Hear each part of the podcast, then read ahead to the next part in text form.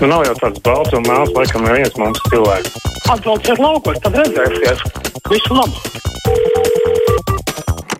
Tālruņa numura mūsu studijā ir 6722, 888, 672, 559.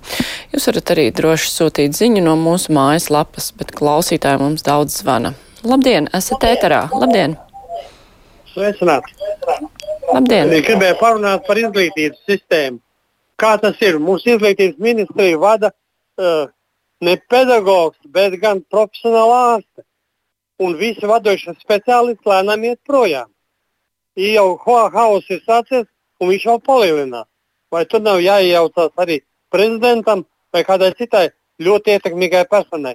Jo pretējā gadījumā izglītības sistēma vienkārši sabruks. Jā, paldies. Tas bija acīm redzot saistībā ar vakardienas de facto sižetu. Jā, ir ļoti sarežģīti, ja tik daudzas augstākās amatpersonas ierēģi nav strādājoši šobrīd eh, ministrijā. Mēs jau redzējām, ka premjerei šobrīd neredz pamat iejaukties.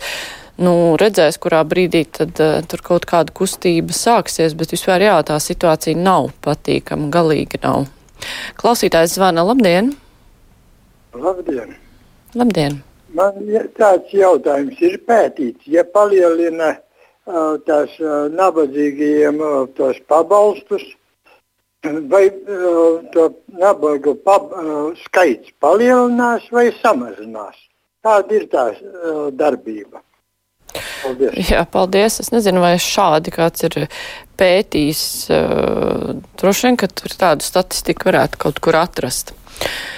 Klausītājs Jurčiks grib zināt, interesanti, kas notiek ar Rīgas pasažieru ostu dīkstāvē vai bankrots, darētu kādam apskatīties. Nu, šad un tad tur kāds prāms piebrauc, bet vispār jā, labs jautājums. Klausītājs Edgars savukārt par banku procentiem atrakstīs vēstuli. Viņš raksta tā, tad jau rērs ar vienotību varētu samazināt pārtiks cenas veikalos, degvielas cenas, degvielas uzpildes stacijās, aptiekās zāles arī ir dārgas, jo aptiekļu īpašnieki ir miljonāri, varētu samazināt arī jaunajām ģimenēm dzīvokļu cenas jaunajos energoefektīvākajos projektos. Nu, it kā jā, tajā pašā laikā ir tomēr jomas tās pašas zāļu tirgus, ko valsts var gan regulēt.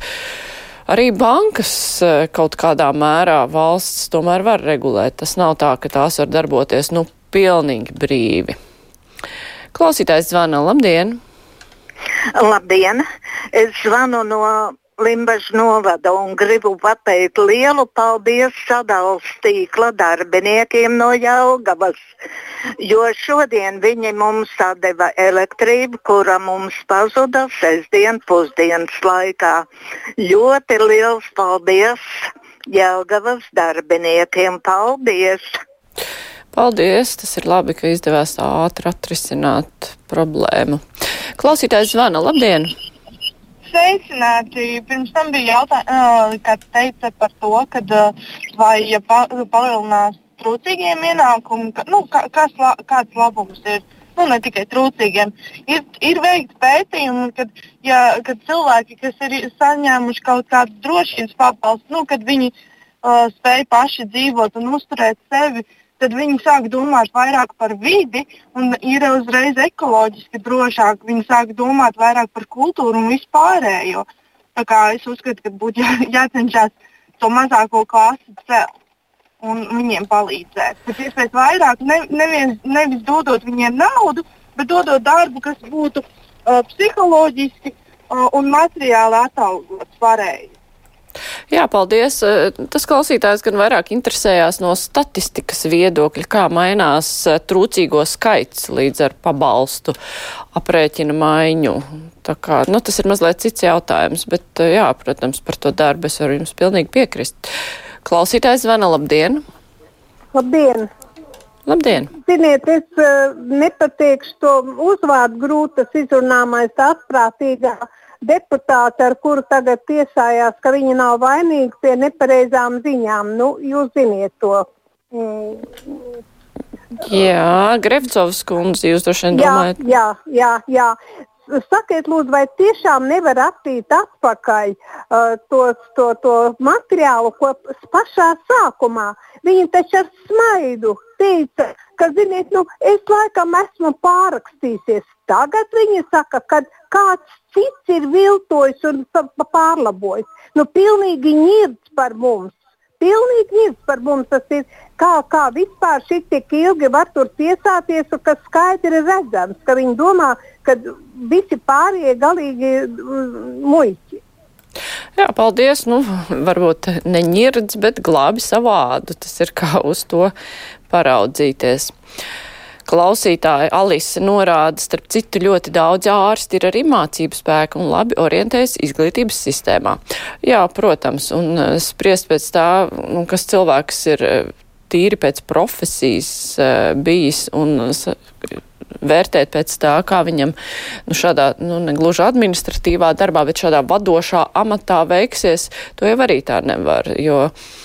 Nu, par vadītājiem jau arī tā ir. Var jau droši vien, ka mācīties būt par tikko vadītāju, bet ir profesionāls arī var būt labs vadītājs visdažādākajās jomās. Un veselības aprūpe, izglītība, nu, tā, tā vadība jau ir pavisam kas cits, cits stāsts nekā profesionālā pieredze. Zani grib zināt, kas tur ar to covid baigais klusums vīrus tiešām kļuvis gandrīz nekaitīgs, vairs potēties nevajag. Nu, tur acīm redzot vajag kādu sižetu par šo jautājumu, bet nu, ziņas jau ir, ka cilvēks slimo tomēr, un slimnīcās arī ir, diemžēl. Klausītājs zvana, labdien! Labdien, es gribēju pakomentēt attiecībā par to, kas te tagad Izrēlā notiek. Es domāju, te tomēr nevar gluži vilkt tādas paralēles kā ar notiekošo Krieviju un agresiju, notiekošu Ukrainā un agresiju no Krievijas puses, jo redzat, tomēr Izrēla ir sagrābusi daļu palestīniešu teritoriju un ir arī bijušas ANO rezolūcijas, kas prasa atbrīvot, bet Izraela tās neievēro. Kāpēc es par to runāju? Tāpēc, ka Izraela diemžēl ļoti pieprasa kristāvtīriem būt visiem citiem. Nesen Kanādā tika uzņemts viens ukraiņu kara veterāns, viņam gods izrādīts, un pēc tam atkal Izraela acīm redzot sacēla traci, kā tad tā viņš taču karojas nelietīgo nacistu pusē, un tad tur Kanādas parlamenta spīkeris atkāpās un jau tracis sākās. Nu, tas ir nožēlojami, ka a priori cilvēki tiek pasludināti par noziedzniekiem tikai tāpēc, ka karoja ne tai pusē, kas Izraēlai patiktu. Jā, paldies. Nu, mēs par šo sarežģīto uh, situāciju un vēsturi arī runāsim nākamajā stundā. Skaidrs, ka, nu, ka šis konflikts nav tik tā vienkārši saprotams un vērtējams. Tā vēsture ir ārkārtīgi sarežģīta tur bijusi. Tā, mums klausītājs vēl zvana. Labdien! Labdien! Eh, eh, es gribētu pateikt par to, ka tagad Kirsis ļoti uztraucas par eh, to pagaidu asfaltu. Bet tā jau ir tāda sistēma tagad. Visu vasaru remontēja jūrmalas gatvi.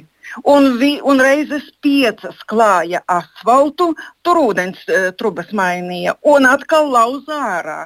Sākumā es domāju, ka tas kaut kas nesaprotams, bet vēlāk, nu ko, ja tur piecas reizes lauž ārā to pašu asfaltu un atkal liek, laikam tāpēc, lai varētu mašīnas braukt un neapturēt kustību. Tā ka tur nav ko brīnīties. Viņš laikam nezina, kāda tagad ir sistēma. Paldies! Jā, paldies par vērojumiem. Tā mums vēl klausītājs zvana. Labdien! Labdien!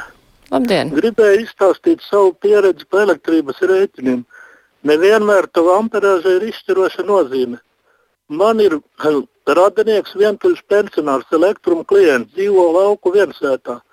Maksā izlīdzināto maksājumu par 52 kWh. Gada sākumā viņš maksāja 14,35, bet tagad jau pēdējā laikā viņam jāmaksā 32,30, tātad vairāk nekā divas reizes.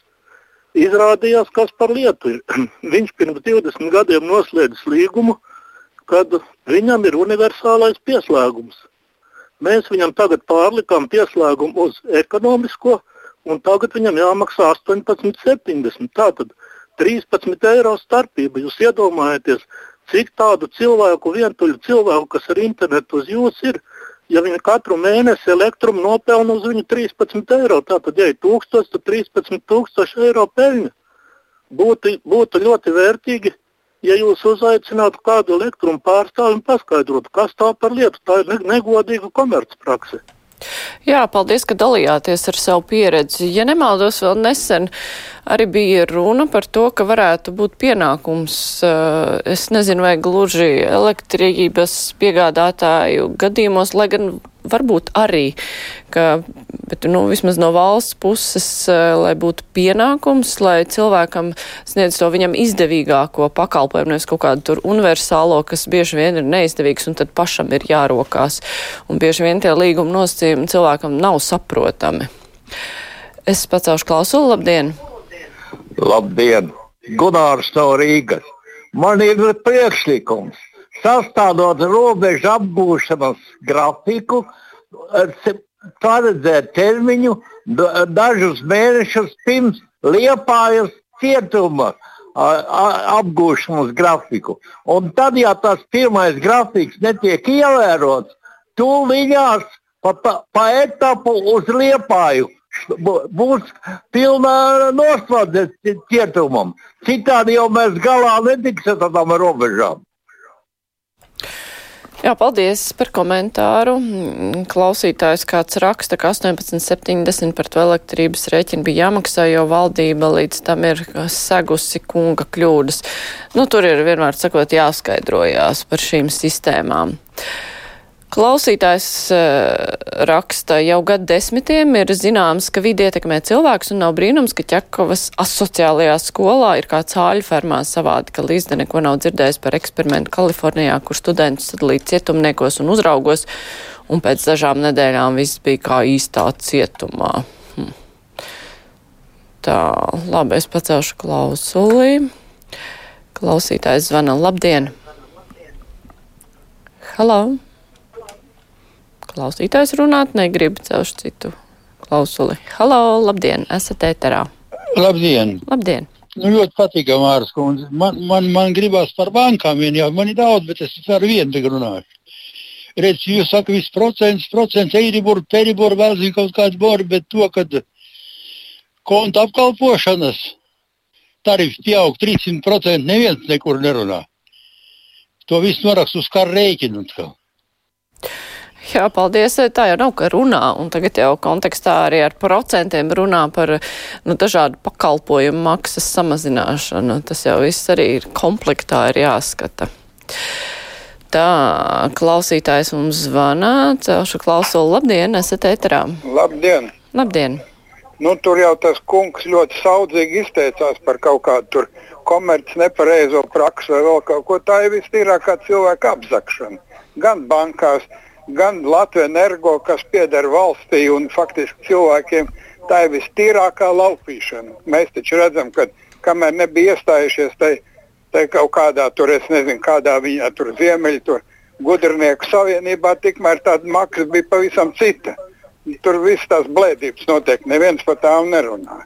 Bet es Jā, paldies, bet brīvā mikrofona laiks arī ar to mums būs beidzies. Tagad būs ziņas, bet pēc tam mūsu studijā būs Vidzemes augstskolas prorektors Mārs Ančāns.